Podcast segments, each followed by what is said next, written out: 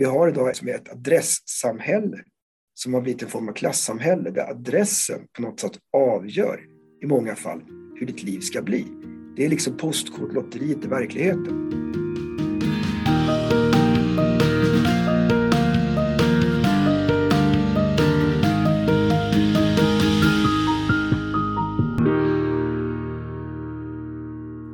Fattar du inte att om det här ska funka så måste jag kunna lita på dig? sa jag. Året var 1994, kanske 93. Jag satt i en soffa i en villa i Karlstad och mitt emot mig satt en av mina elever från det behandlingshem där jag jobbade.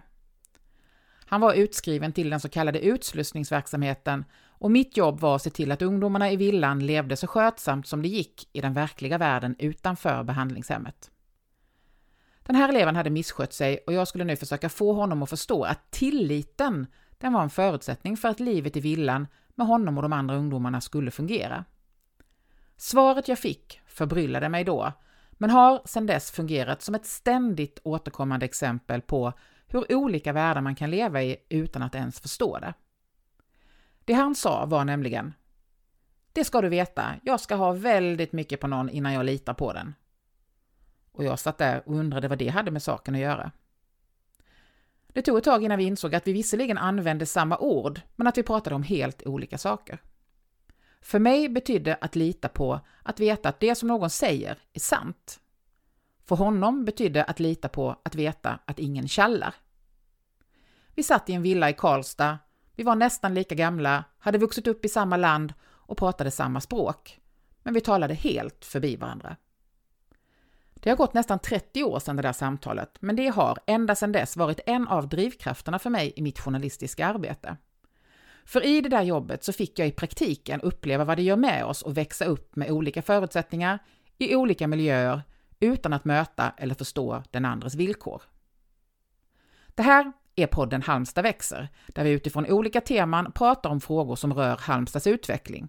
Och om du inte redan räknat ut det, så är temat den här gången segregation. Jag som gör den här podden på uppdrag av Halmstad kommun, jag heter Linda Thulin.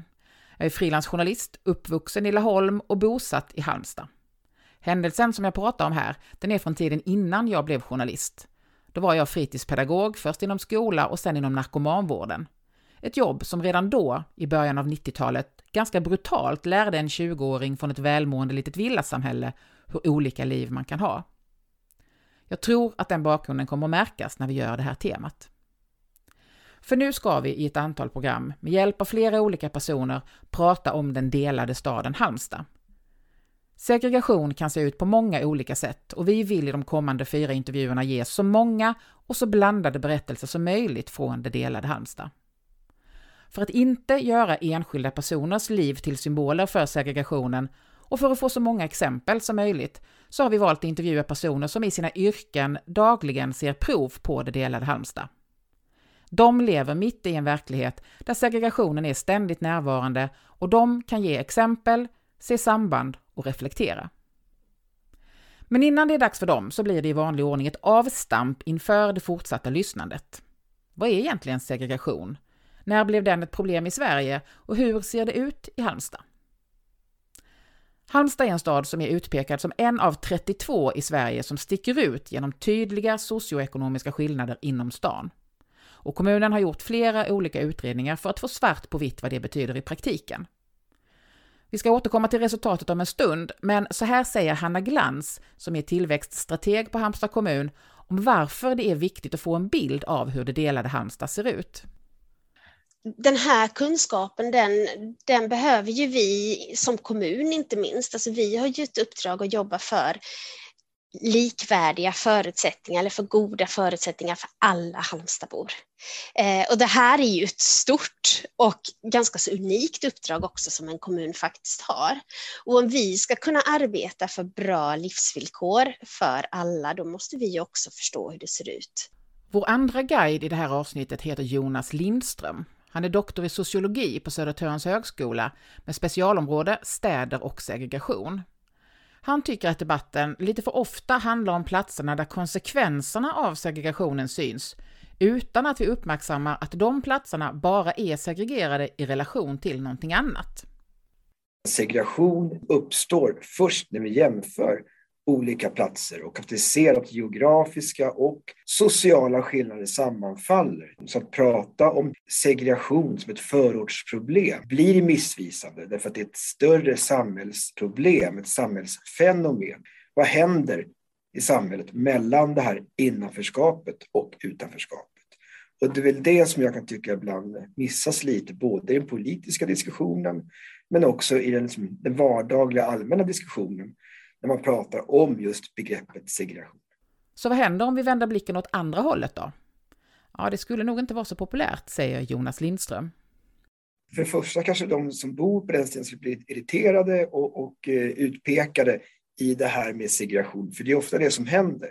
Att det går bra att peka ut områden där det finns en socioekonomisk problematik, det som då kallas för utsatta områden. Men man, så fort man riktar ljuset mot den andra sidan, då är det många som blir irriterade och tycker att vi har inte med det här att göra. Vad har vi med segregation att göra? Och det där kan man ju egentligen verkligen förstå. Ska man behöva vara en del av problemet bara för att man vill sträva efter att ha det bra och bo där det är lugnt och tryggt? Nej, absolut inte, säger Jonas Lindström. Och det är bland annat därför den här debatten är så svår. Har vi möjligheten, har vi resurser att köpa en bostad i ett välordnat, tryggt område? Det gör vi ju det. Det tror jag också vi ibland missar i den här segregations och integrationsdiskussionen. Att det blir så lätt att man målar svart och vitt, det ena och det andra. Vi måste nyansera. Och det är därför jag menar på att vi är alla någonstans indragna i det här, vare sig vi vill eller inte.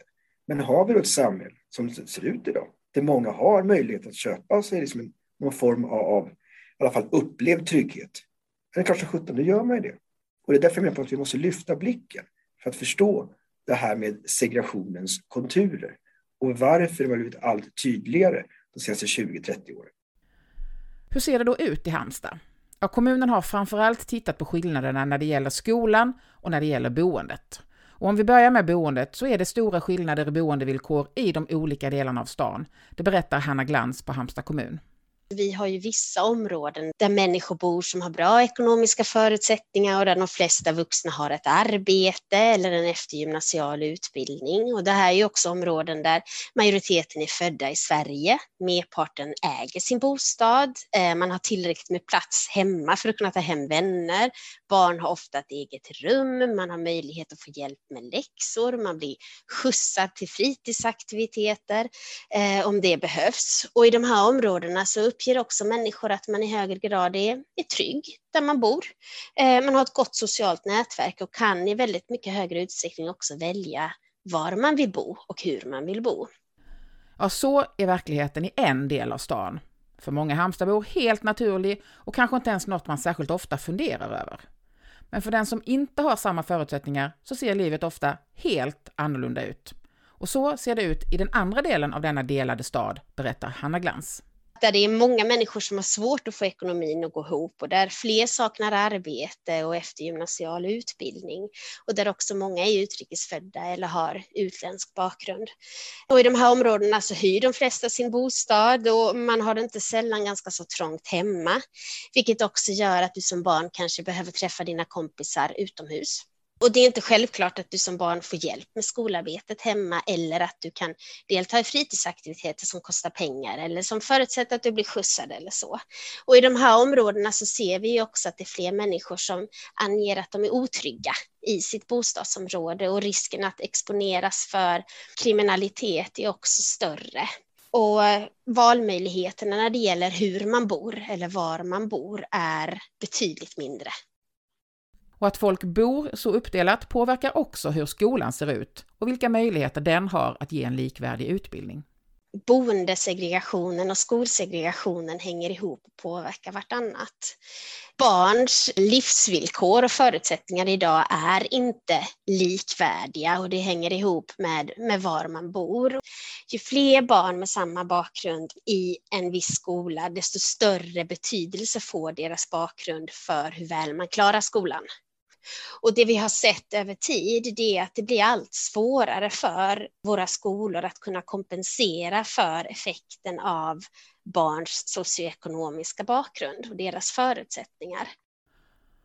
Och en delad stad är inte bara ett problem för de som bor i de så kallat utsatta områdena, säger Hanna Glans. Det handlar ju om Halmstads möjligheter att utvecklas som plats. För både välfärden och eh, näringslivet har ju redan idag problem när det gäller att hitta kompetens, alltså anställda. Och med fler äldre, med fler yngre, med en grupp i liksom arbetsför ålder som, som minskar, så har ju vi framför oss enorma utmaningar med kompetensförsörjning. Och då är det också givetvis helt avgörande för en plats som Halmstad, för ett samhälle, att alla barn klarar skolan, eh, men också att människor inte går arbetslösa. Även Jonas Lindström säger att segregationen är en fråga för hela kommunen. För om en del av kommunens barn får märkbart sämre förutsättningar till en bra framtid så påverkar det oss alla, säger han. De här ungdomarna, de här människorna, de här barnen, de rör sig i samhället. Och det går liksom inte att helt och hållet isolera sig. Visst, vi kan bygga murar med vakter och liknande, men, men är det rätt väg att gå? Därför att det är svårt att värja sig för det här. Det här är ett övergripande samhällsproblem. Men som jag sa, så länge problemen ses som ett liksom, geografiskt isolerat samhällsproblem, då tas det liksom inget samlat grepp på vad är det här ett fall av egentligen? Hur har det blivit så här? Hur kan vi förstå det här? Ja, hur kan vi förstå det här? Det är givetvis en lång och komplicerad historia, men Jonas Lindström vill gärna lyfta fram ett par historiska skeenden som han menar har haft stor betydelse. När de stora miljonprogrammen byggdes på 60 och 70-talen så fick man fler lägenheter än vad som egentligen behövdes. Alltså det flyttade inte in lika många människor som man hade trott. Och parallellt med det så fick vi också vår första större flyktinginvandring och tog emot flyktingar från till exempel Chile, Iran och Libanon. Och då blev det naturligt att de fick flytta in i de här nya tomma lägenheterna. Så det var en faktor. En annan faktor, det var att det nästan redan från början förekom en debatt om hur fult och dåligt det var i de här områdena hur människor ända sedan de här platserna byggdes för 50 år sedan har tagit sig rätten att liksom prata illa om platser. De här föreställningarna, bilderna från människor som inte bor på platserna, den har ju liksom förekommit ända sedan 70-talet med problemområden. Vi liksom tar för givet, hör vi vissa ortsnamn, hör vi vissa platser i städerna, så tar vi för givet att det är dåligt, fast vi inte ens varit där. Och det här har pågått länge. Så den biten är också viktigt att förstå. Det, här, det som jag kallar för förortsföraktet. Det här med förorter kommer ju många av oss som bor i mindre städer kanske inte i kontakt med så ofta. Och det kan vara svårt att fullt ut förstå hur det är att bo och leva där. Det närmsta vi kommer i Halmstad, det är de delar av stan som klassas som mer utsatta. Dels Andersberg, som ju klassats av polisen som ett av 60 utsatta områden i Sverige, men även Vallås som är i riskzonen för samma sak. Men det får ändå anses vara en ganska stor skillnad mot att bo i en ren förort. Min egen första kontakt med ungdomar som vuxit upp i rena förorter, den kom på behandlingshemmet som jag jobbade på i början av 90-talet. Då tog vi framförallt emot ungdomar från Göteborgs förorter, som till exempel Bergsjön, Angered och Biskopsgården. Men skillnaden mellan det tidiga 90-talet och idag, det är att i de där utsatta områdena så bor nu i väldigt hög utsträckning invandrare. Men då hade de missbrukande och kriminella ungdomar som jag mötte visserligen en svår så kallad socioekonomisk bakgrund, men de kom nästan uteslutande från en svensk bakgrund. Och det här är en viktig aspekt att ha med sig när man pratar om segregationens utveckling, säger Jonas Lindström. Många av de platserna som idag etiketteras utsatta har haft någon form av en problembild, i många fall ända sedan de byggdes för 50 år sedan. Och det här liksom har förskjutits och på något sätt blivit förvärrat skulle man kunna säga, decennium för decennium. Och vi har gått från en social problembild, en social segregation, till en idag upplevd etnifierad eller etnisk segregation. Där liksom det här med det icke-svenska eller invandraren står i fokus för problemen. Det kanske inte är så konstigt på ett sätt, därför att vi har ju platser idag runt om, framförallt i Stockholm, Göteborg, Malmö, det kanske 90-95 procent av de boende i en stadsdel, i ett område, har någon form av icke-svensk bakgrund. Och är det klart som sjutton, går du ut i staden, går du ut i områdena, ja då syns ju det här jättetydligt. Det sticker ut liksom. Men problemet är också att det här skymmer sikten för de egentliga problemen. Du nämnde den socioekonomiska biten. den socioekonomiska segregationen och inkomstskillnader. Vad vi får den 25 varje månad är fortfarande vad det är som gör boendesegregation. Varför det här uppstår. Sen är det ju klart sjutton att idag kanske det var ett växelspel mellan någon form av etnisk segregation och socioekonomisk. Men allt prat om invandrare, allt prat om det etniska blir problematiskt. För som du säger, problemen fanns redan på 70 och 80-talet. Men då var det ofta svenska ungdomar som stod i fokus. Sen har ju problemen fått en helt annan dimension såklart. Men jag menar att det här har successivt vuxit fram. Redan för 20-25 år sedan kom det rapporter från forskare att om vi inte motverkar den här utvecklingen nu, då kommer vi ha liksom en katastrofal situation om 20-25 år. Och där är vi idag. Ja, utvecklingen har onekligen gått i fel riktning. Men vad är målet då? Inte är det väl realistiskt att sträva efter att alla ska ha det exakt lika? Nej, verkligen inte, säger Jonas Lindström och poängterar också att man därför numera oftast pratar om att motverka segregation snarare än att bryta den. För det går inte, säger han. Men det kan bli bättre. Men Sverige var ju segregerat även på 70 80-talet. Men tittar man på inkomstskillnader, tittar man på andra parametrar så var det inte lika segregerat då som det är idag. Och en orsak tror jag också att vi måste spåra till den andra segregationspolen, alltså de som har det ganska bra. Vad har hänt i den? Och enligt Jonas Lindström så är det här vi hittar den stora boven i segregationsdramat. För i takt med att så många har fått det väldigt mycket bättre i Sverige så har också synen på vår bostad, liksom förstås priset på den, förändrats på ett sätt som starkt bidrar till den nuvarande situationen. Vi har liksom en samhällsförändringsprocess här när det gäller bostaden.